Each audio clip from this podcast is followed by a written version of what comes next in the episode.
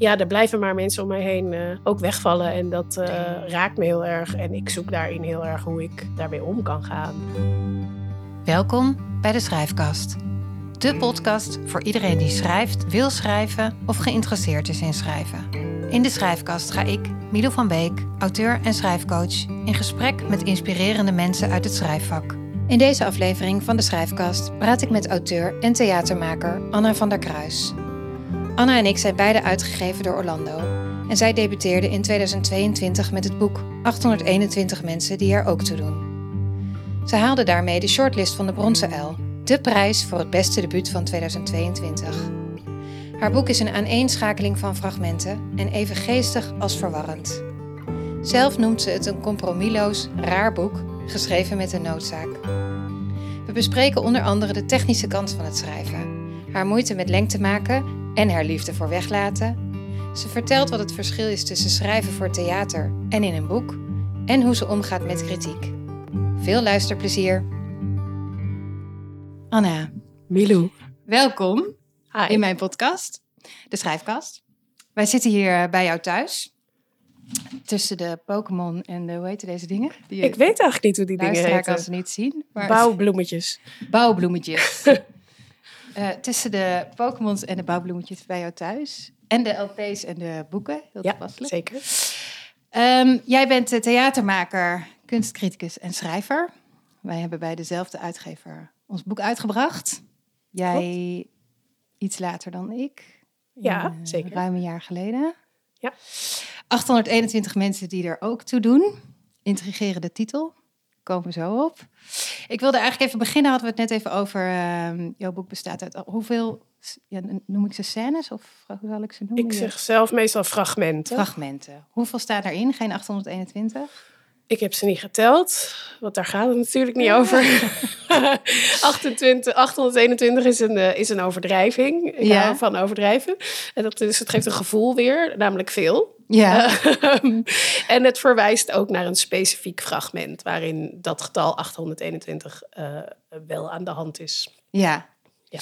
En, eh, maar je weet niet precies hoeveel fragmenten er in je boek staan. Ik Nee. weet er ook niet hoe zeg je, maar je hebt wel. Ik vroeg je, heb je een favoriet? En toen kwam je met één. En daarna dacht je, oh ja, maar die kan. eh, Maar die, maar die, die ene die je bedoelde, zou jij die eh, willen voorlezen? Ja, Dan meteen een introductie in. Yes. eh, komt-ie. Ben jij eenzaam? vroeg hij. Nee, zei zij. Ik heb heel veel mensen om me heen. Dat is niet wat ik vroeg, zei hij. Dat is iets anders. kijk. Hebben we meteen een beetje beeld van, eh, of nou niet beeld, geluid. Hoe lang deze fragmenten kunnen zijn? Ja. Of hoe kort? Of hoe kort, want Ja. dat, de- dat eh, varieert. Dit is de opening van het boek. Dit vond ik een belangrijke eh, prelude. Ja, want? Ja, omdat het allemaal centraliseert rondom eenzaamheid. En dat het denk ik ook zoekt naar wat dat allemaal kan zijn. Los van de dingen waar je misschien in eerste instantie aan denkt. Dus ik, ik vind dit eh, een gesprekje wat echt een hele wereld openbreekt meteen. Ehm, en voor mij is het daarom exemplarisch. Dus het gaat heel erg over wat zit er nog achter die eerste gedachte die je hebt. Mhm. En dan zeg je een aantal dingen. Eh, dit fragment leidt het boek in. En zeg je daarmee ook dat eh, het het soort thema van alle fragmenten in het boek illustreert, deze scène, of samenvat, of pakt? Of... Eh, ja, het gaat wel allemaal. Het gaat enerzijds allemaal over eenzaamheid en anderzijds allemaal over eh, hoe en of je onderdeel van een geheel kan zijn. Dus, dus ook daarin vind ik het een tof fragment, omdat het. ehm, het antwoord dus van, van de, de zij in dit fragment is: eh, ik heb heel veel mensen om me heen. Mhm. Eh, en ik denk, ik heb zelf ook heel lang gedacht, nou, als je heel leuk vol sociaal leven hebt, dan kan je niet eenzaam zijn. Maar Mhm. dat is natuurlijk niet waar. En dat, ik, ik vond dat een best schokkende ontdekking toen ik die zelf deed. Ja, wanneer, wanneer gebeurt Nou ja, dat eenzaam dus niet hetzelfde, hetzelfde is als alleen bijvoorbeeld al. En, Ja. eh, en dat, dat, ja, als je dat dan eenmaal zo gaat bekijken, dan wordt dat weer volstrekt logisch. Maar ik weet dat ik het best wel... eh, iemand heeft mij deze vraag ooit gesteld in Mhm. een gesprekje. Mhm. En ik vond dat echt? Mindblowing. Ben jij eenzaam? Ben je eenzaam? En dus ook met deze. Het is eigenlijk gewoon een, een citaat. Mhm. Ik, dus ik heb het eh, uit de context getrokken Mhm. en gebruikt als start van mijn boek. Eh, maar ik heb dit gesprekje in deze vorm ook met iemand gevoerd die dat zo aan mij vroeg. En Mhm. Dus, dus dat, dat, daar heb je meteen de autobiografische. Ja, autobiografische deel gaan we het nog over hebben Ja. zo. Maar ehm, was die vraag voor jou ook, gaf dat ook het inzicht? Ja, het was heel grappig, want ik was haar aan het vertellen over mijn werk. En ik zei, ja, het gaat best over eenzaamheid en depressie. En, eh, nou, dus toen zei zij vrij logisch, ben jij eenzaam? En op de een of andere manier eh, was dat zo direct. Mhm. En zo confronterend eigenlijk ook. Dat is wel grappig. Dat je, het schrijven is natuurlijk een, eh, een extra laag in de communicatie. Dus je kan je heel goed, je kan heel luchtig zeggen, ik schrijf over eenzaamheid. Mhm. Eh, en vervolgens niet per se over je eigen eenzaamheid Mhm, hoeven hebben. mhm. En eh, tegelijkertijd, ja, het feit dat zij daar dus eigenlijk doorheen prikte en vroeg: waar ben jij in deze opsomming? Mhm. Ja, dat raakte mij heel erg. Bedoel je dus ook te zeggen dat die vraag kwam toen je boek al...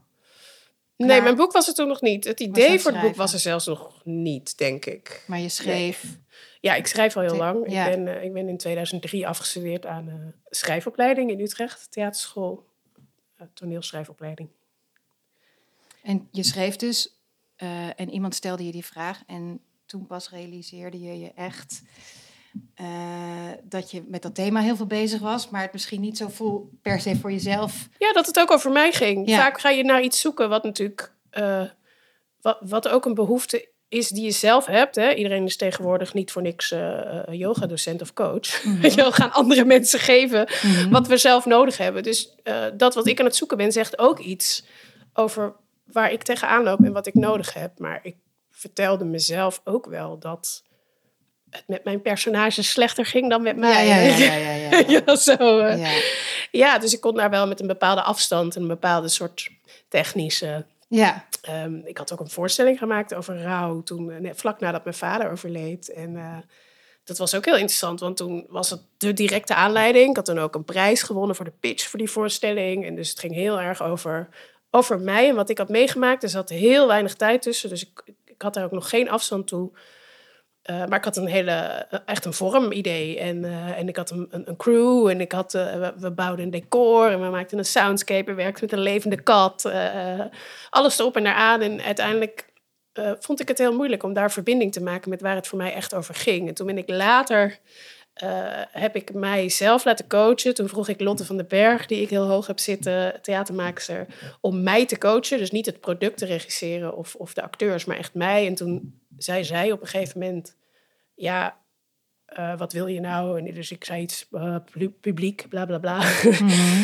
en eh, toen zei ze, ja, maar jij bent iets aan het maken over een heel groot, onverwerkt verlies. Mhm. Nou, toen brak ik. En daar gebeurde echt iets bij mij dat ik dacht, oh, wacht even, hier zit de kern, weet je wel. Dit is waar het over gaat. Dit is waar ik naar moet durven kijken. Eh, zonder dat de voorstelling dus privé moet worden. De voorstelling moet wel degelijk dat overstijgen. Mhm. Maar als ik ga doen alsof het er niet is, omdat ik het te moeilijk vind, Mhm. dan weet ik, dan kan ik ook niet naar mijn bron, weet je wel. Dan ben ik eigenlijk gewoon een beetje in het niks. En, en wat veranderde dat, dat toen voor die voorstelling? Ehm, toen heb ik een, eh, een voorstelling gemaakt waarin ik echt als schrijver een belangrijke rol pakte. Die, die, die eerdere voorstelling was een voorstelling met bijna geen tekst. Omdat ik dus heel erg houd van weglaten, wat je ook in mijn roman goed kan zien. Mhm. Ik houd heel veel van het regelwit, van dat wat er niet gezegd wordt, dat wat eronder ligt. Dus ik wilde ook in die theatervoorstelling wilde ik meer bijna richting film bewegen. Dat als er dialoog is, dat dat dan gewoon is hoe mensen praten. En niet zozeer wat je in theater heel vaak ziet, eh, dat de dialogen heel erg ritme, humor, eh, eh, heel dragend, eh, plotgericht. Dat is gewoon niet hoe ik werk. Ik hou gewoon heel erg van die kleine gesprekjes Mhm. en, en van beelden en, en van wat je dus als toeschouwer toen en nu dus lezer zelf nog mag doen. Mhm. Ehm, dus ik wilde toen iets maken met weinig tekst. Maar ja, Ja. daarmee had ik ook weinig grip. Ja. Want tekst Ja. is natuurlijk wel mijn métier. ja. Dus wat er veranderd is, is dat ik, dat ik echt ben gaan schrijven. En ehm, nou, dat ik ook wel langzaam... Ik heb toen nog wel, nog steeds gewoon... ben ik wel teruggevallen op techniek. Eh, maar ehm, dat was wel een zaadje waar, waar denk ik... eh, dit mijn boek uiteindelijk uit voortgekomen is. Wat heb Eh, je toen dus naast techniek, want dat is natuurlijk wel interessant dat je schrijven, maar ook theater maken, denk ik, doe ik niet. Maar daar heb je natuurlijk heel veel hoofdwerk ook Ja. bij nodig. Ja. Ehm, maar toen kreeg je die vraag en toen dacht je, deze voorstelling, daar moet ik eigenlijk ook zelf iets aangaan. Het gaat over betrokkenheid, het gaat over moed. Het gaat over. Ik heb ook jarenlang gezegd. eh, als mensen zeiden: ja, maar jij schrijft eigenlijk proza. Dat hoorde ik al heel lang. Mhm. Ook over mijn theaterwerk. Ik schreef veel monologen. En in die monologen waren veel situatiebeschrijvingen. En veel citaten van gesprekken. Dus eh, sommige zijn ook letterlijk in dit boek terechtgekomen. Mhm. Eh, wel wat aangepast, maar, eh, maar niet veel. Ehm, dus mensen zeiden vaak tegen mij: jij schrijft gewoon proza. Mhm. Eh, en ik vond van niet, want ik wilde bepalen hoe het bij de toeschouwer of dan de luisteraar kwam. Mhm. Ehm, Wat is dan het verschil? Voor de, kun je dat duiden? Nou, kijk, voor proza heb je natuurlijk gewoon meer taal nodig. In de Mhm. zin van, ehm, en dat zie je ook nog aan mijn roman, denk ik. Dat ik gewend ben om heel veel weg te laten, is Mhm. ook omdat je op toneel natuurlijk die lichamen erbij hebt. En die Mhm. ruimte en de tijdsbeleving. Mhm. En die hele zaal. Ehm, dus ik ben gewend om heel veel weg te laten. Eh, en wat ik deed in theater met die monologen was eigenlijk inderdaad in die zin proza-achtig, omdat ik er een hele wereld in de taal mee naar binnen nam. En dat doen wel meer schrijvers. Ehm, maar die doen vaak ook wat ik daar net al beschreef. Dat, dat ritmische of de humor of de, dat de taal ehm, eigenlijk een heel erg groot en belangrijk element is. Mhm. En, en ik vond, vind dat op toneel vaak eh, jammer. Hoewel het heel mooi kan zijn als iemand daar goed in is, is het heel levendig natuurlijk. Ehm, maar ik hou er op toneel eigenlijk juist van om gewoon naar mensen te kijken. Net als Ja. in, in de realiteit. En Ja. wat ik dus nu heb gemerkt met proza schrijven is dat ik juist wat langer bij die mensen moet blijven en bij die scènes. Mhm. Dat, ik, dat, ik, dat ik niet te snel weg... Ja, ik, ik zoom echt uit als een filmcamera. Mhm. Zo, pap, dit is het moment. Mhm. en je, want je zegt het zaadje voor je boek werd geplant eh, toen iemand dat tegen jou zei. Van je schrijft eigenlijk proza.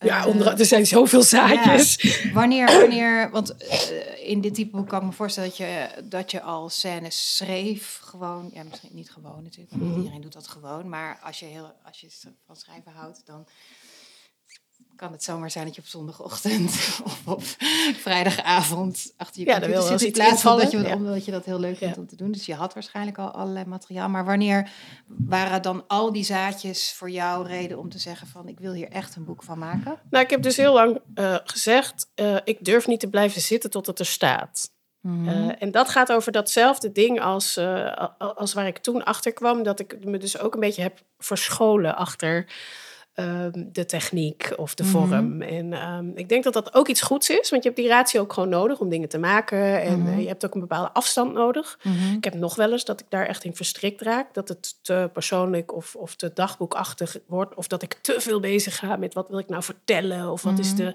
betekenis. Dat ligt natuurlijk uiteindelijk ook gewoon niet bij mij. Ik bedoel, ik moet weten wat het voor mij betekent en waarom ik dingen kies. Maar je hebt dus inderdaad, wat jij net al zei, heel veel ratio nodig. Eh, en, en het kan soms ook... Ik herinner me ook van de toneelschool, weet je wel. Dat, dan hadden we een blok poëzie. En dan had je gewoon hele strakke regels. En dan ging ik ineens los. Terwijl Ja. als alles mocht, vond ik het Ja. super moeilijk. Ja. Want dan had ik zo'n hoge lat. Dan wilde Mhm. ik iets eh, wat... Ja, ik was dan altijd meteen aan het censureren. En, Mhm. ehm, en dat is dus uiteindelijk... ehm, nu, ik censureer minder, ik blijf zitten, ik durf te kijken naar waar het persoonlijk is. Al die dingen, dat zijn gewoon dingen die ik, ja, voordat ik hieraan begon, echt niet durfde. Mhm.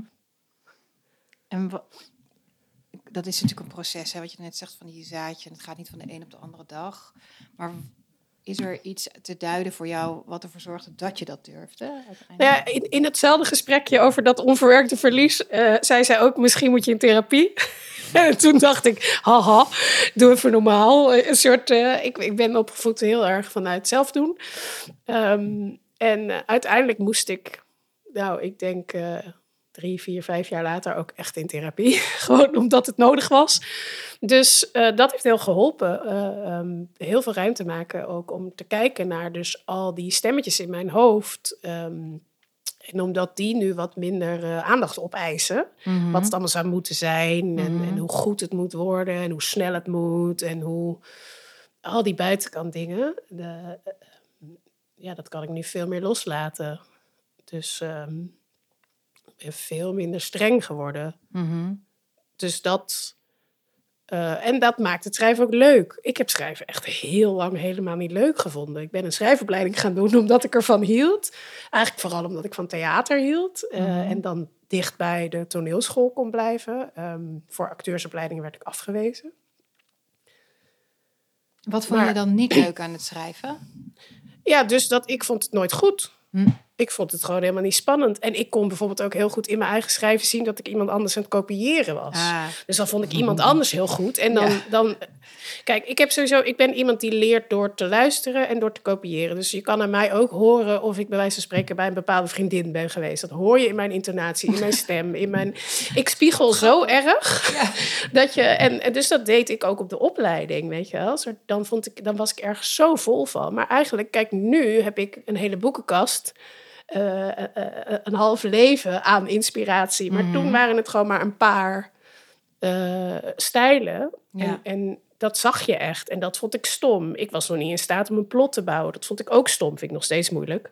Maar ja, er was gewoon heel veel reden om, om, ehm, om mezelf af te ja, serveren. ja. En dus werd het iedere keer een hele vervelende opdracht. Terwijl Ja. eigenlijk, als ik... Kijk, als je natuurlijk lekker aan het schrijven bent... dan heb je een soort flow. ja. En dan is het heel erg leuk. Eh, Ja. waarom ik bijvoorbeeld naar theater kijken heel fijn vind... is ook om... dan gaat mijn hoofd aan. Mhm. En, en dan mag ik al die associaties maken en al die dingen voelen en al die dingen vinden. En, en, en emotie en ratio en alles gebeurt tegelijk. En schoonheid. En, eh, en meestal als ik iets goed vind, Mhm. dan kom ik dus heel opgeladen en heel gelukkig de zaal uit. Maar dan heb ik dus ook plezier in mijn eigen hoofd. Mhm. En eh, dat heb ik wel ontdekt vanaf het moment dat ik een beetje ben gaan schrijven vanuit ja, toch een meer liefdevolle benadering naar Mhm, mezelf. Dus mhm. echt ver na mijn opleiding. Mhm. Ehm, dat hoofd is mijn schrijfhoofd. En dan ben je dus liefdevoller eh, voor jezelf, minder perfectionistisch. Je geeft jezelf eigenlijk toestemming.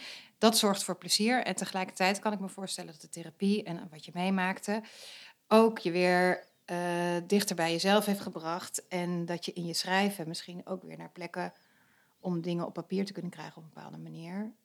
Dat je misschien ook dicht bij jezelf moest blijven, wat ook weer pijnlijk kan zijn. Dat kan soms zo'n. Ja, wat ik lastig vind aan, aan dicht bij jezelf.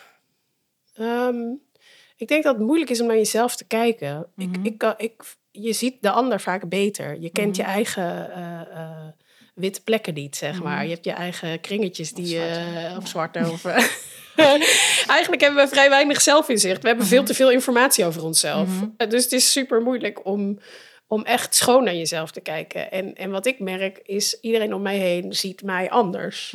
Eh, bij iedereen ben ik ook een beetje anders. Ook door Mhm. dat spiegelen, maar ook gewoon ja, omdat het zo is. Zijn, zijn andere contexten. Dus eh, ik vind het makkelijker om naar iemand anders te kijken Mhm. en, en iemand anders te vangen.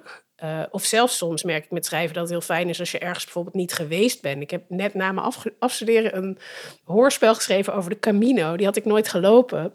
Maar ik had heel veel op internet en eh nou, superleuk, gewoon een beetje lezen en, en allerlei details. En ik weet wel hoe ik iets realistisch moet maken, welke details ik nodig heb om Mhm. het gevoel te geven dat je daar bent, weet je wel. Dus dat kon ik ook prima met research. En ik weet, een, een vriend van mij uit Engeland, die had me toen geholpen met een vertaling, omdat het genomineerd was voor eh, de Prix d'Europe. En het moest, naar, het moest in het Engels.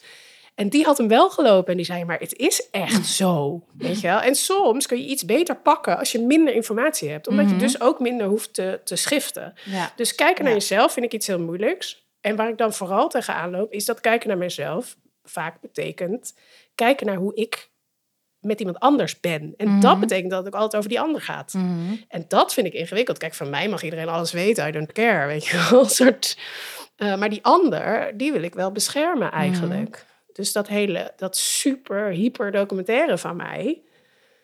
Ja, dat betekent ook dat sommige mensen wel denken... hé, hey, eh, hallo, dit heb ik jou in vertrouwen verteld, weet je. Wat ik de fuck? altijd, ja, maar je kan, ja, dat is gewoon, dat is de, de consequentie van omgaan met de schrijver. Ja, nou, ik vind dat wel lastig. Ik wil wel heel graag betrouwbaar zijn. Maar ik heb dit wel soms. Dat vind ik dus heel lastig. Dat ik kijk voor mezelf, maakt me allemaal niet zoveel uit. Iedereen mag in principe Mhm. alles van mij hebben. Mhm. Ehm, ja, misschien moet ik dat ook nog ooit de hard way leren. Maar blijkbaar heb ik nooit zoveel weggegeven dat het te veel was. Mhm. Ehm, Maar ik vind het wel lastiger worden als het over een ander Ja, gaat. Terwijl dus de dingen die mij bezighouden, die gaan over relaties en dus ook over Ja. anderen. Nou, en ehm, kijk wat je net zei over die voorstelling en dat iemand tegen jou zei, jij hebt zelf iets te verwerken. Ehm, eh, los van wat autobiografisch is in je boek en wat niet, zit er natuurlijk wel een bepaalde ondertoon in, waarbij ik me niet kan voorstellen dat je dat ook allemaal bij anderen vandaan hebt gehaald of uit Nee. de verbeelding hebt gehaald. Nee, het is natuurlijk een combinatie. Weet je, wat ik ook leuk vind, wat ik in theater wel eens merkte, was dat als een acteur zoiets goed doet, hè, een schrijver schrijft goede tekst, een acteur speelt goed, dan heb je 80% van het publiek zegt, jeetje, heb je dit echt meegemaakt? En Mhm. dan, iedere keer dacht ik, hè, maar we weten toch dat dit een afspraak is? Het is theater, het is Mhm. verzonnen. Mhm, Een soort-. Maar, dus ik weet hoe ik iets echt moet maken. Dus als het goed is, kun Ook je in mijn boek, dus. ja, als het Ja. goed is, kun je in mijn boek niet zien wat er uit een interview komt en wat van mij is. Moest ik wel heel erg lachen, want werd ik geïnterviewd door Lex Bolmeijer en die vroeg mij drie of vier fragmenten voor te lezen. En Van al die fragmenten waren exact dingen die Ja. echt van Ja. mij waren. Dus Ja. blijkbaar is er wel iets te voelen aan waar de zwaarte ligt. En, en ik heb ook wel op die manier gestuurd. Ik heb het boek ook wel zo gestructureerd dat ehm, het eh, werkt naar momenten die inderdaad eh, gaan over mijn emoties. Ja, dus er zit geen ik in mijn boek. nee. Het zijn allemaal hij's en zij's. ja. Uh, en, en sporadisch heeft iemand nog een naam, maar dan is het echt een bijfiguur. Soort- dat wilde ik heel graag, dat iedereen een soort van even belangrijk werd. Mhm. Ehm, en ik wilde geen Omdat ze autofictie er allemaal te maken. doen. Dus omdat Ja. ze er allemaal te doen. Ja, en dat het soms ook makkelijker is misschien hè, als het even over de ander gaat. Mhm. Dus ik wilde ook die ik, die ik was voor mij irrelevant. Mhm. Ik vind de ander belangrijker. Ik weet niet wie ik zelf ben. Eh, dit gaat over het overspoeld raken door, eh, door het geheel, door, door, door de optelsom, door, door het iedereen zijn. Mhm. iedereen Daar gaan worden. al je fragmenten over. Ehm, nou, daar gaat het boek als geheel voor mij Mhm. over. Over hoeveel mensen kan ik eigenlijk dus in mijn, in mijn systeem verdragen. En, en wanneer, ehm, wanneer kan ik op een gegeven moment nog onderscheid maken tussen Mhm. wat van mij is en wat van iemand anders is. Zeker als het Mhm. niet zo goed met je gaat, heb je vaak gewoon niet zoveel ehm, eh, harnas meer. En Mhm. geen huid meer. En dan, dan is alles, alles komt binnen. En daar gaat dit boek heel erg over. En, en de enige manier waarop ik natuurlijk kon sturen was dat wat bij mij het meest binnenkomt, moet op de top van de, van, van de golf zitten. Mhm. Eh, en wat bij mij het meest binnenkomt, zijn natuurlijk de dingen die, die voor mij het dichtst bijkomen. Dus Mhm. daarin heb ik dan wel gestuurd. Mhm. Ehm, en op die manier zou je kunnen uitvinden wat Ja. er van mij is. Maar in principe Ja. eh, heb ik wel zodanig geresearched of geïnterviewd dat je ook in al die andere fragmenten zou moeten, denk, moeten voelen. eh, oh, maar deze details kloppen. Ja. Deze toon klopt. Dit, dus misschien, weet je wel, in die zin heb ik er hard aan gewerkt om niet het verhaal van Anne van der Kruis, die overspoeld wordt door al die mensen om zich heen te vertellen. Want dat vind ik gewoon jammer. Ik vind de vorm wel heel erg belangrijk. Ik wil Mhm. dat het dat overstijgt. Ja, dat het niet particulier Ja. alleen maar van jezelf is. Ja. En kan je iets vertellen over hoe je dan te werk bent gegaan? Op een gegeven moment is dan, denk je, ja, dit, ik wil daar een boek van maken. Ik heb mijn eigen dingen en ik heb misschien al dingen die ik al heb geschreven, die ik heb meegemaakt, maar er moet meer bij. Ja, ja, lengte maken vind ik ook lastig. Eh, Enerzijds vanuit de kritische houding, anderzijds vanuit. Ik vind heel veel boeken echt vijf keer te dik. Ik denk dan echt, dit kan weg, dit kan weg. Weet je, ik vind het echt vaak heel erg slecht. Ik, ben heel, ik hou heel erg van, van ritme. Ik hou heel erg van, van schoon kijken, mooie, mooie beelden maken die precies die informatie geven die je nodig hebt. Dat betekent dat ik 80% wegsnij. Of het komt niet eens op de pagina. Mhm. Ehm, dus lengte maken is, eh, is iets waar ik altijd moeite mee heb. En van een roman wordt wel verwacht dat die lengte heeft. Anders is het geen roman. Ja, ik weet sowieso niet wanneer het een roman mag heten. ik ben geen roman Ja. bijvoorbeeld. Nou, het is in ieder geval volgens mij wel nog steeds zo dat dikke boeken eh, voldoen aan het Ah. idee van. Ja, maar het idee van, oh yes, en dan kan ik lekker een paar uur in deze wereld verdwijnen. Of een ja. paar, paar avonden of een, Ja. of, een, of een weekend lang. Of een, Maar voor veel mensen is langschrijven veel makkelijker. Het kost veel Het meer is ook veel makkelijker. Het is ook veel makkelijker. En dus ik ben heel veel tijd kwijt aan die 400 woorden die ik op een dag schrijf. En soms eh, er zitten dan ook nog drie dagen bij dat ik niet schrijf, maar waarin ze wel voorgekookt worden. Of, Ja, dus, eh, dus lengte maken vind ik lastig. Ehm, plots bouwen vind ik lastig. Ook omdat ik ehm, alles even belangrijk vind en gemakkelijk afgeleid raak. Mhm. Dus toen ik in gesprek raakte met mijn redacteur over dit boek, eh, heb ik gezegd, ik wil mezelf eigenlijk toestemming geven om... Heeft hij jou ontdekt trouwens? Ja. Oh, mij benaderd. Dat is misschien ja. nog wel aardig voor Ja. eh, mensen die graag... Of die- iedereen is geïnteresseerd in schrijven die dit luistert. Maar eh, jij bent gaan eh, schrijven voor literaire...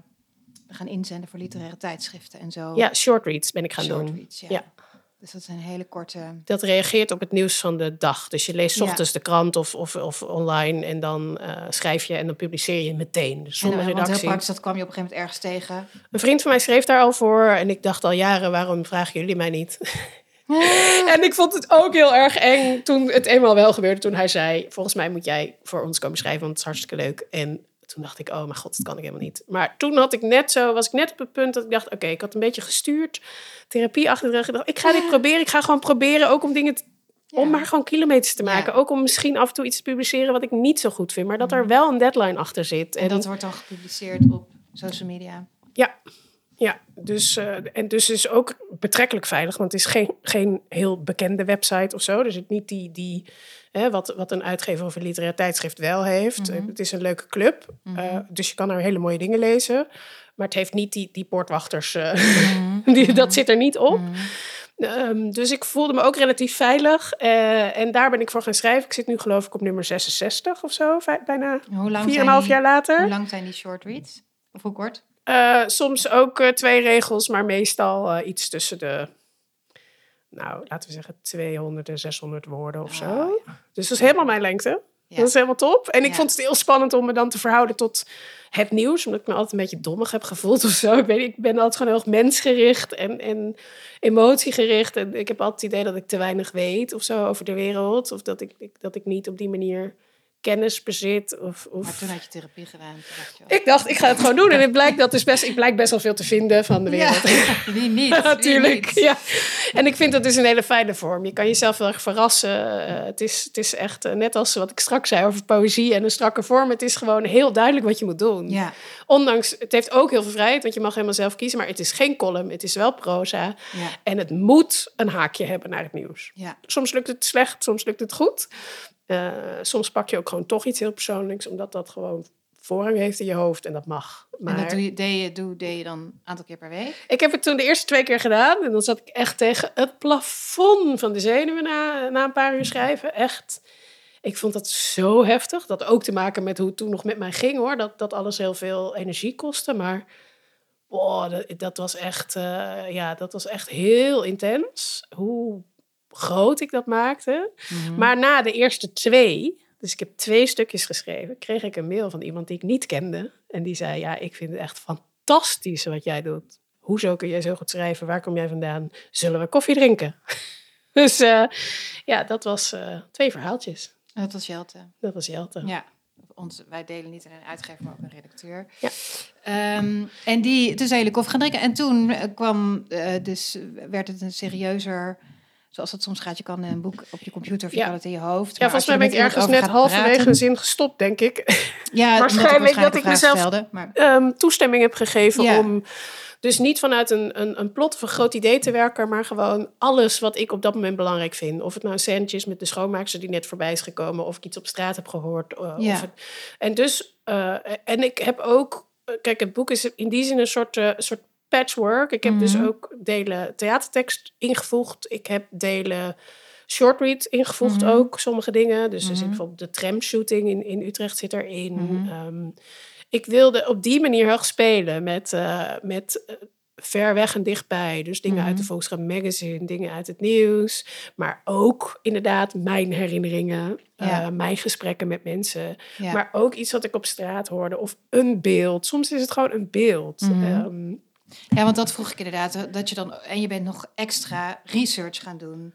Hoe wist je wat je nog nodig had? Of Nou, dat was doen? ook een groot ding in het beslissen van wat ik ging maken. Toen, toen Jelte dus zei van, wil je misschien een boek eventueel maken? En toen dacht ik, ja, misschien wil ik dat wel.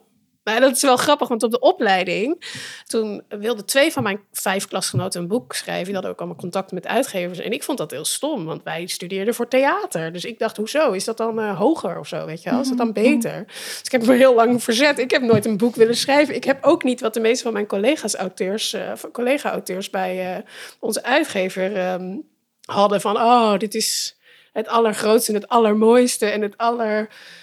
Ja, dit is een vorm Hm. waarin ik nu iets gemaakt heb, Grappig, weet je wel. dat is dus eigenlijk heel... Terwijl je wel heel veel perfectionisme moest loslaten... is het dus ook een hele fijne benadering eigenlijk. Want inderdaad, je kan op zoveel manieren iets in de wereld... En er zijn zoveel boeken. en Dat heb ik ook vaak tegen mezelf gezegd. Ik heb ook zo ongelooflijk veel boeken gelezen die ik niet goed vind. Dus in die zin hoef ik die lat helemaal niet zo hoog Nee, te leggen. Nee.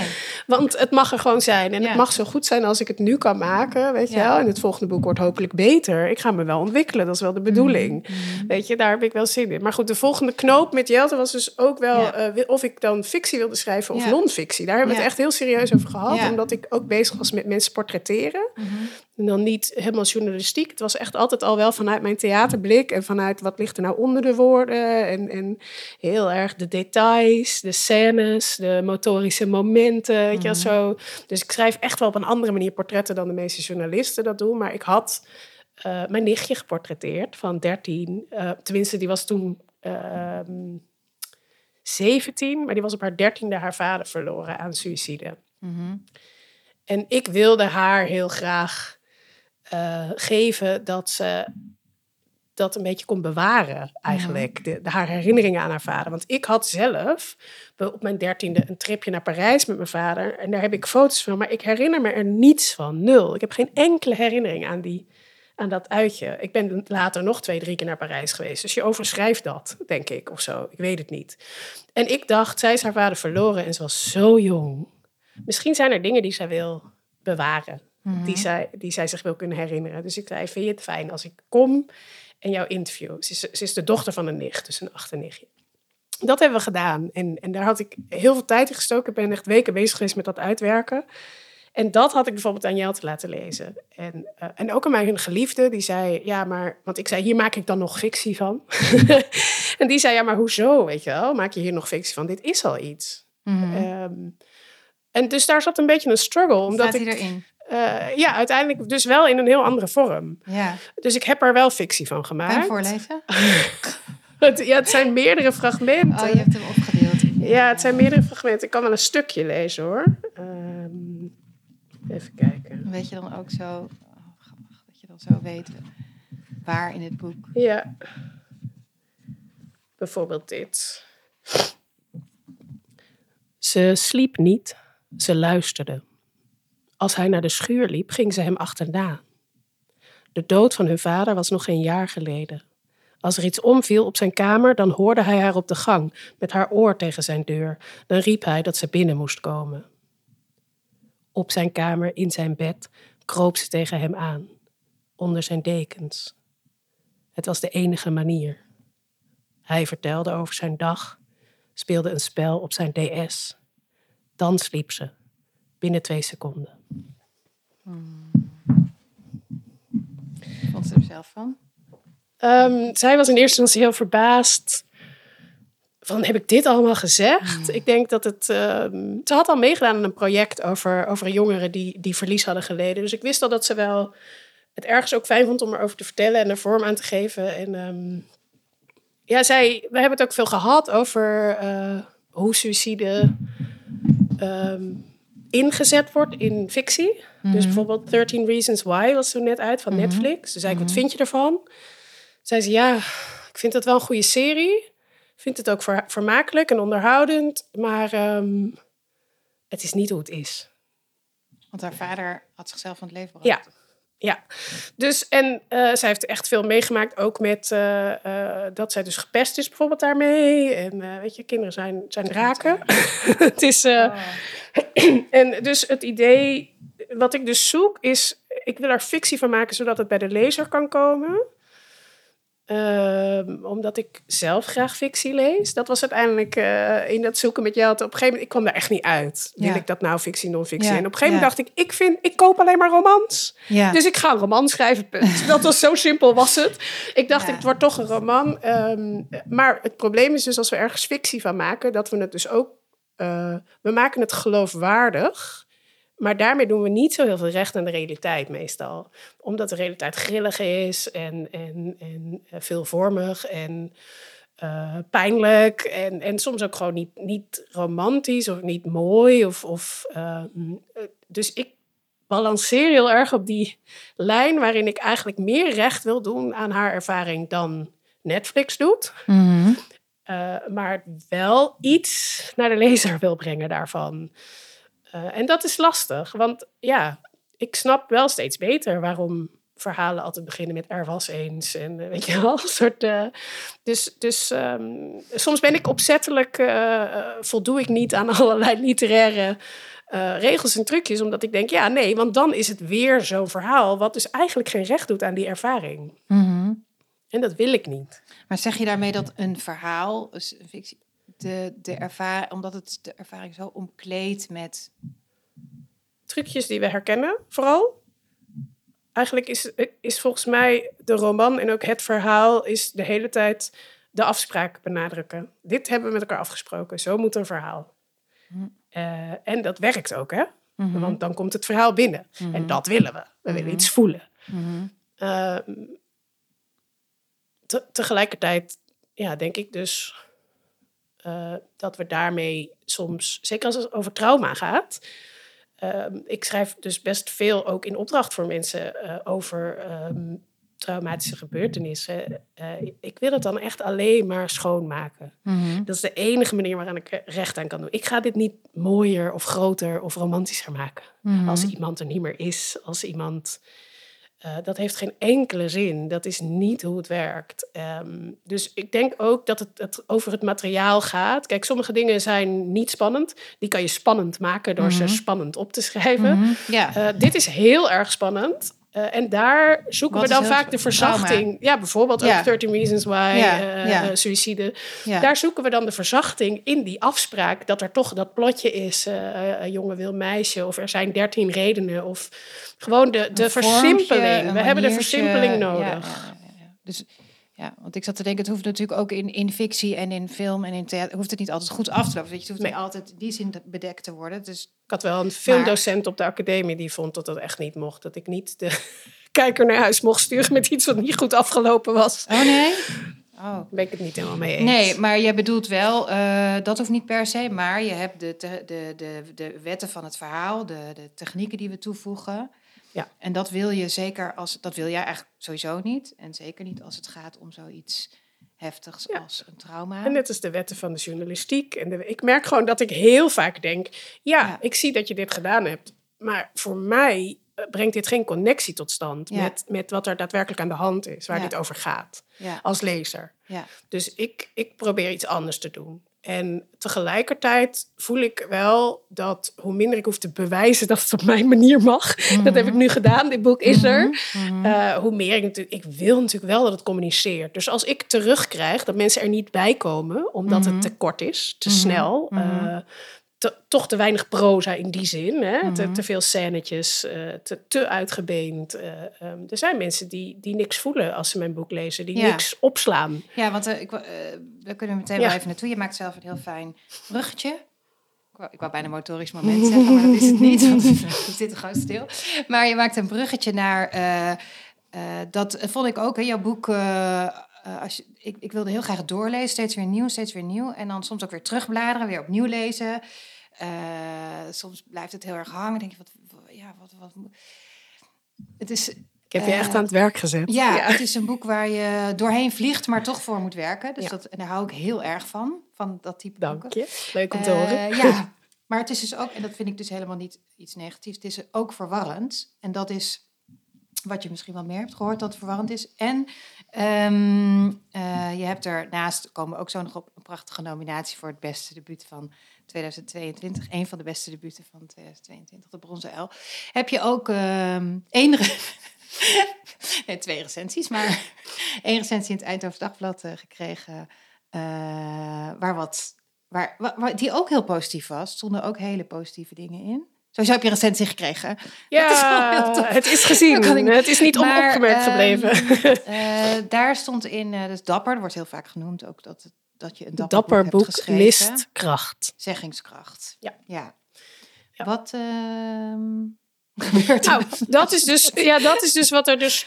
Er zijn verschillende. Ik heb verschillende dingen teruggekregen. Uh, hele mooie, hele positieve dingen. Mensen die om heel veel fragmenten hebben moeten huilen. Die zeggen: Dit is hoe het leven is. Mensen die zich gezien voelen en getroost. Uh, omdat ze niet alleen zijn in hun eenzaamheid. Dat is er allemaal. Maar er, er zijn ook groepen lezers die, die geen toegang krijgen tot het boek op een bepaalde manier. En deze recensent is daar één van. Um, ik heb haar natuurlijk even gegoogeld. Ik weet dat. ja, ik zit zelf in de kunstkritiek, dus ik weet dat iedere, dat iedere blik ook een gekleurde blik is. Wie is de zender? Uh, en deze uh, schrijf, deze, deze critica, uh, schrijft zelf boeketreeksboeken. Echt en waar? toen dacht ik, ja, dat vind ik superleuk. Ik heb serieus heel veel van dat soort boeken gelezen, ja. omdat ik dat hilarisch vind. Ik hou van het cliché en en om daar dan weer dingen van te gebruiken. Ik heb, ik heb hoorspelen gemaakt op basis van, uh, van boeketreeksromans. Dus het is niet iets waar ik tegen ben. Ik hou van hoog en laag cultuur door elkaar heen. Uh, maar dit is ik lees helemaal, heel veel autobiografieën, dat soort of autofictie. Of ik hou heel erg ook van die vorm. Um, maar zij zegt, er zitten fragmenten in waarvan ik denk, joepie, ik wil weten hoe dit afloopt. Mm. En helaas heeft de schrijver daar verder niks mee gedaan. Toen mm. dacht ik, ja, maar dan verlang je iets van een boek wat het niet is. Mm. Want dat is het gewoon echt niet. Het is een boek waar je aan moet overgeven. Uh, en waarin je een kopje onder moet. Uh, en dat vond ik heel grappig. Er is een andere lezer die uh, dus ook, dat is ook een groep die dus niet zoveel voelen, omdat, ze, omdat het ze te snel gaat, die er niet bij komen. Uh, ik kan me daar zelf niet zoveel bij voorstellen, omdat ik ongeveer overal om moet huilen of lachen. Of weet je, alles roept reactie bij mij op, Mhm, altijd. Ik ben altijd enorm aan, ik ben altijd heel gevoelig. Um, dus dat vind, ik, dat vind ik bijna onvoorstelbaar, dat je iets kan lezen en, en niks voelt. Um, maar er was dus een, een goede vriend van mijn ouders, die, die uh, uh, schreef mij een lange brief. Hij woont in Japan en had heel goed gelezen. Ze hebben vroeger ook heel veel gelezen en heel veel over literatuur gepraat. En komt uit de kunstwereld, dus iemand die ik hoog op zitten. En die schreef mij een brief en die zei, ja, ik snap niet zo goed waarom ik dit moet lezen. Al die ellende. En, en, en het blijft, maar het is een beetje alsof ik aan het doomscrollen ben. En, um, en ik kan me niet verbinden. Dus ik snap niet, ik, ik voel zoveel afstand. Dus, dus het gaat nergens over mij. Ik vind geen ingang. Maar, schreef hij ook, uh, ik lees door. Mm-hmm. En op een gegeven moment, dan gebeurt er iets. Dan slaat het om. En dan kan ik niet meer stoppen. En dan voel ik een, hoe schreef hij het? Aan verdriet grenzende melancholie. Mm. En dat vond ik zo'n compliment. Dan moet je dus Ja, wel doorlezen. ja, dus hij heeft precies. misschien alleen maar doorgelezen omdat hij mij al zijn hele leven kent. Ja. Of, maar je moet er dan dus wel doorheen. Maar dat. eh, en in beide, in, zowel in deze als in de recensie in de, in de, in de Eindhoven Dagblad, zie ik dus ook dat wat andere mensen juist benoemen als prachtig aan het boek. Dus Ja, het is precies. grappig. Het is, de eindconclusie kan zijn mist kracht, blijkbaar. Ja. Dat vind ik natuurlijk jammer als je dat Ja. googelt, dat dat is wat je dan krijgt. Maar van de andere kant, eh, ja, dat zegt dus ook iets over de lezer. Dus, Mhm. dus dat ik tegen jou zeg, ik heb jou aan het werk gezet. Kijk, ik vind het als lezer heel erg leuk. Ik wil serieus genomen Mhm. worden. Ik wil, ik wil nog iets af te maken hebben. Ik wil ermee rond blijven lopen als het dicht is. En soms wil ik dat ook allemaal niet. Dan wil ik gewoon iets simpelers lezen. Nou, dan koop ik een ander boek.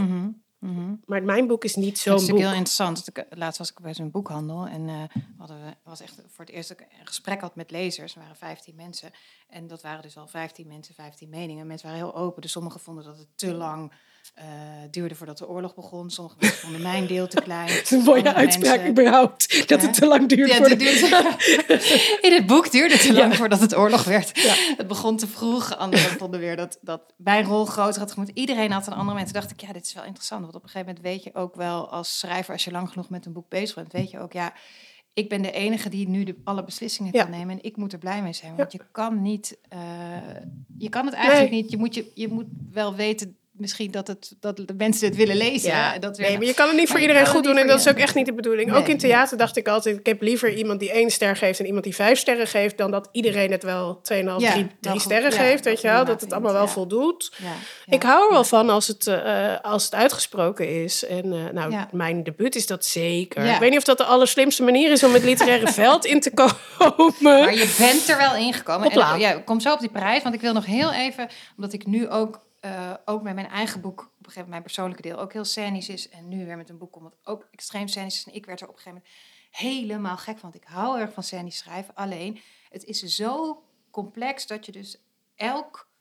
Je bent eigenlijk dus steeds boeken aan het schrijven. Omdat het allemaal een begin, een midden en, het eind, en een Ja. einde moet hebben. Hoe Ja. heb jij dat gedaan voor jezelf? Dat je op een gegeven moment wist, oké, nu is die klaar. Nu, ook al is hij maar zes regels bijvoorbeeld. En deze moet 800 woorden zijn. Weet je, hoe... Ja, dat was denk ik het goede. Aan mezelf dus toestemming geven om gewoon mijn eigen betrokkenheid te volgen.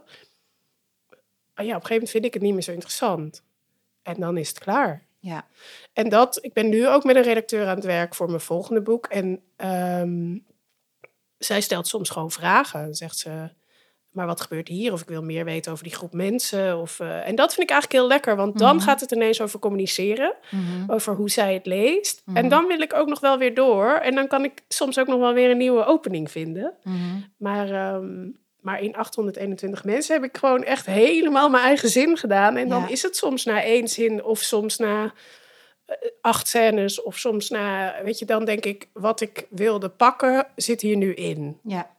Dit- En dat we- wanneer weet je dat? Hoe vaak moet je schrijft het natuurlijk, herschrijft het, laat je het liggen, pakt het nog. Hoeveel, hoeveel kun je daar iets over zeggen? Als ik het kan volgen. Als Ja. in, eh, ik heb bijvoorbeeld ook op de toneelschool wel echt geleerd, ehm, dat noemden wij momenten schrijven.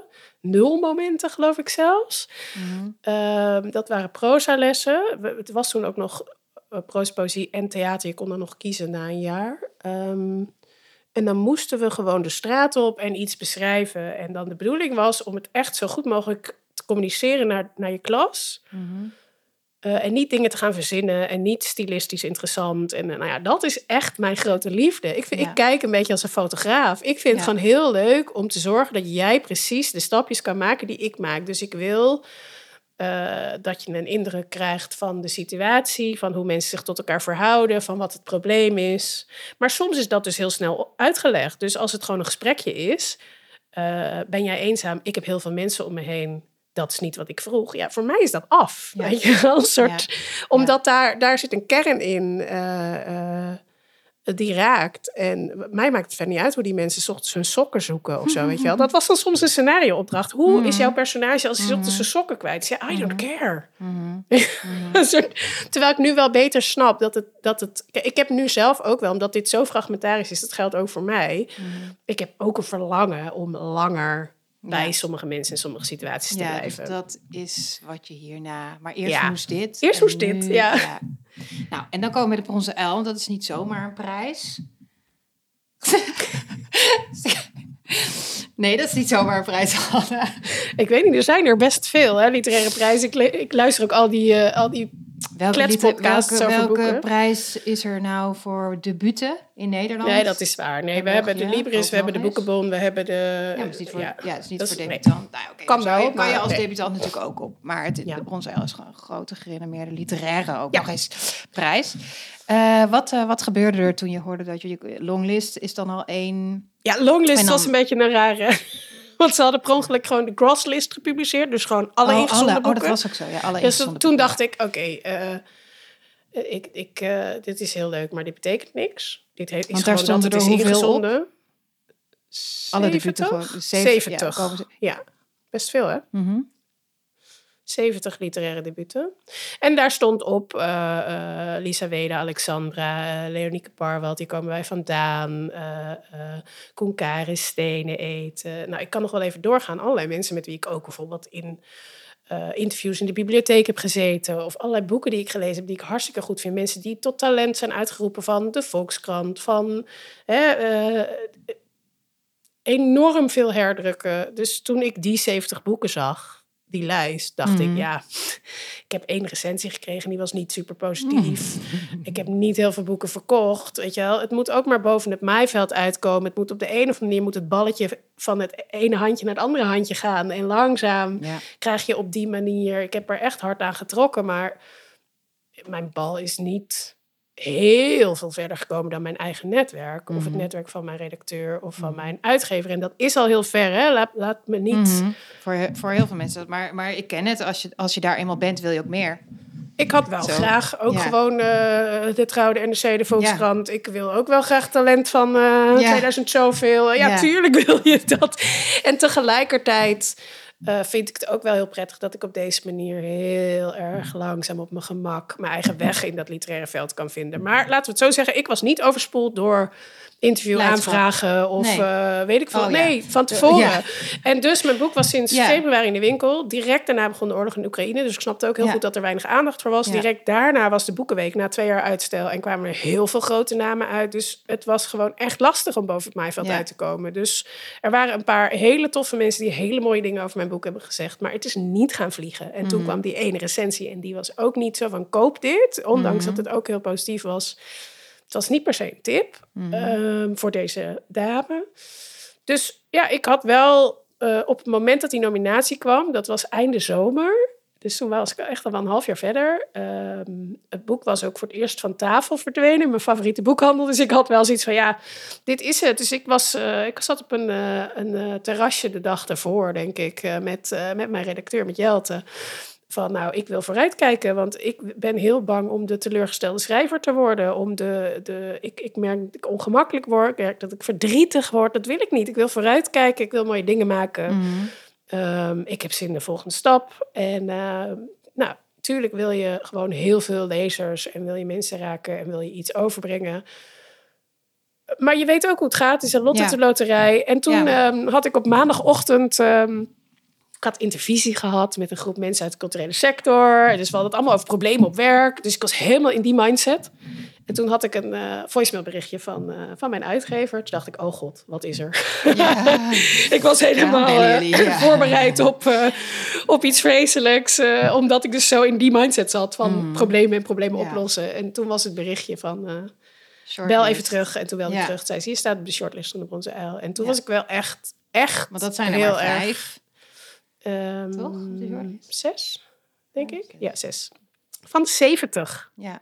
En dus een aantal van die mensen die ik heel graag mee had willen nemen naar Gent, waren daar niet bij. Mhm. Die daar ook heel erg op hadden gehoopt. Mhm. Want het is voor iedereen zo belangrijk, dat beetje exposure, dat je naam weer ergens in een krant staat. Mhm.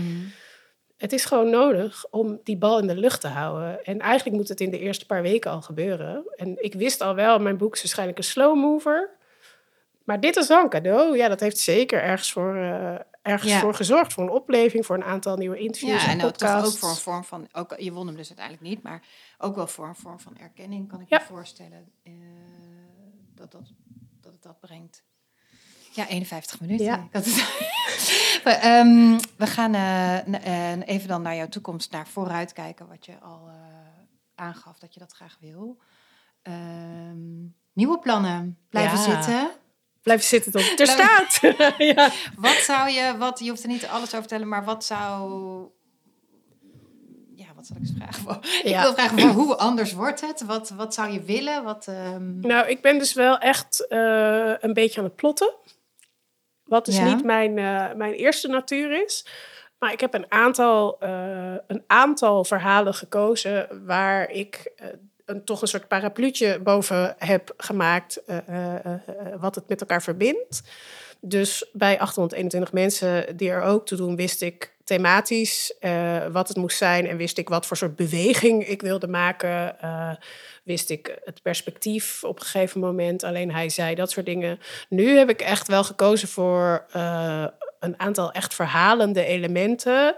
En ik ben, eh, omdat ik ze voor het grootste deel al heb vastgelegd. Dus ik begin vanuit, ik wil deze negen dingen vertellen. wijze van spreken. Het is nog Mhm. steeds een veelvoud, want ik werk Mhm. gewoon niet met één held en één obsta- obstakel. dat, dat zet mijn hoofd gewoon niet aan. Nee.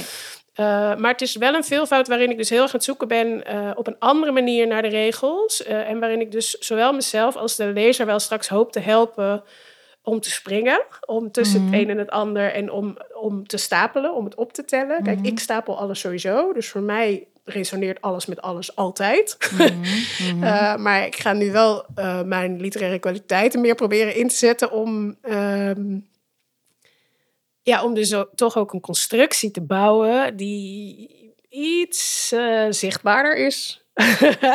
dus ik wilde dat specifiek niet voor 821 mensen, omdat het juist ging over eh, geen orde aan kunnen brengen. ja. Eh, en hier gaat het daar niet over.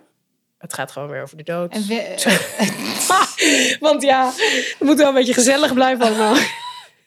nee, het gaat over dingen die ik belangrijk vind. En ehm, ja, er blijven maar mensen om mij heen eh, ook wegvallen. En dat raakt me heel erg. En ik zoek daarin heel erg hoe ik daarmee om kan gaan. En Mhm. ehm, ik denk dat dat een van de grote vragen is des levens. Dus eh, volgens mij zitten daar nog wel meer mensen op te wachten. Mhm. Als je kijkt naar bijvoorbeeld het succes van, eh, van Kitchen, jaren na dato. Dat is een, een, een, eh, een Japans boek, wat volgens mij in de jaren zeventig geschreven is. Dat gaat dan over verlies en over koken. En dat is Ja. mega eh, sentimenteel en tegelijkertijd heel heftig in hoe het op rouw focust. Kijk, uiteindelijk willen we wel ellende als we lezen. We willen oorlog, we willen, ja, weet je wel, een soort... Maar we willen ook troost en we willen ook snappen in welke structuur het staat. Dus Mhm. ik, nou ja, ik heb met mijn debuutroman voor mezelf mogen doen wat ik wilde doen. Mhm. En nu heb ik daarom wat meer vrijheid. Ja, dit om, moest eruit. ja, En, ehm, maar wat, heb, ja, want wat heeft dit boekje gebracht? Dat dus, eigenlijk. ja, en het is ook gewoon... Kijk, je blijft ook onzeker en, en, en nadenken over, eh, over het bereik van je werk. Eh, en tegelijkertijd is het gewoon echt best wel compromisloos en ben ik daar gewoon heel gelukkig Ja. mee. Het is gewoon, Ja. het is, en ook juist omdat het een raar boek is, is, Ja. het, is het ook wel gekomen waar het is gekomen. Ehm, ik denk dus nu achteraf om mee te debuteren is dat misschien niet zo verstandig, maar zo werkt het voor mij ook niet. Het gaat niet over verstandig. Nee, nee, Het nee. gaat over een bepaalde noodzaak. En ehm, eh, ja, ik ben nu weer op een andere plek. Ik heb gewoon meer overzicht. Ik heb meer plezier in, in het vertellen. Mhm. Eh, ik hoef minder. Ik heb ook meer uithoudingsvermogen. Ik heb meer energie. ik heb meer.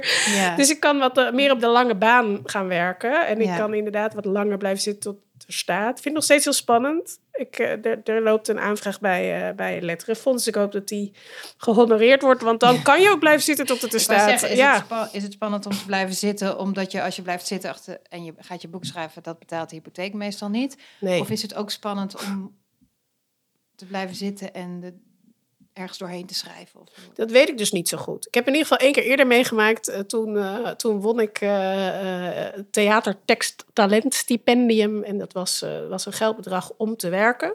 Toen dacht ik, nou, nu is het financiële probleem opgelost. Ik kan gewoon gaan zitten en zorgen dat het er komt. En toen kon ik dat niet. Eh, maar goed, dat was 2015. Eh, Ja. ik denk nog steeds, eh, een bepaalde afwisseling is voor mij belangrijk. Ja. De afwisseling tussen privé en werk.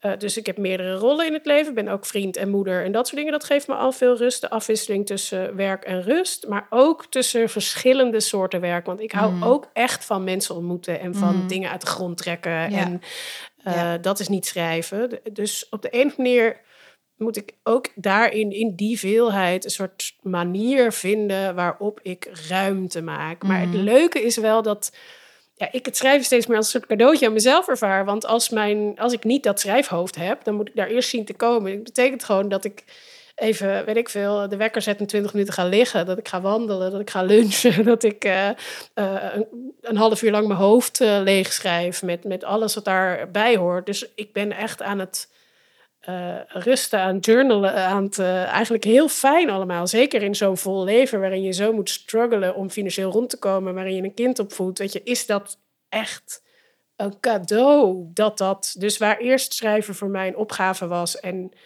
een soort, oh help, het wordt nooit zo goed als ik denk, is het nu, oh joepie, vandaag is mijn schrijfdag, de telefoon Ja. gaat uit, weet je Ja. wel.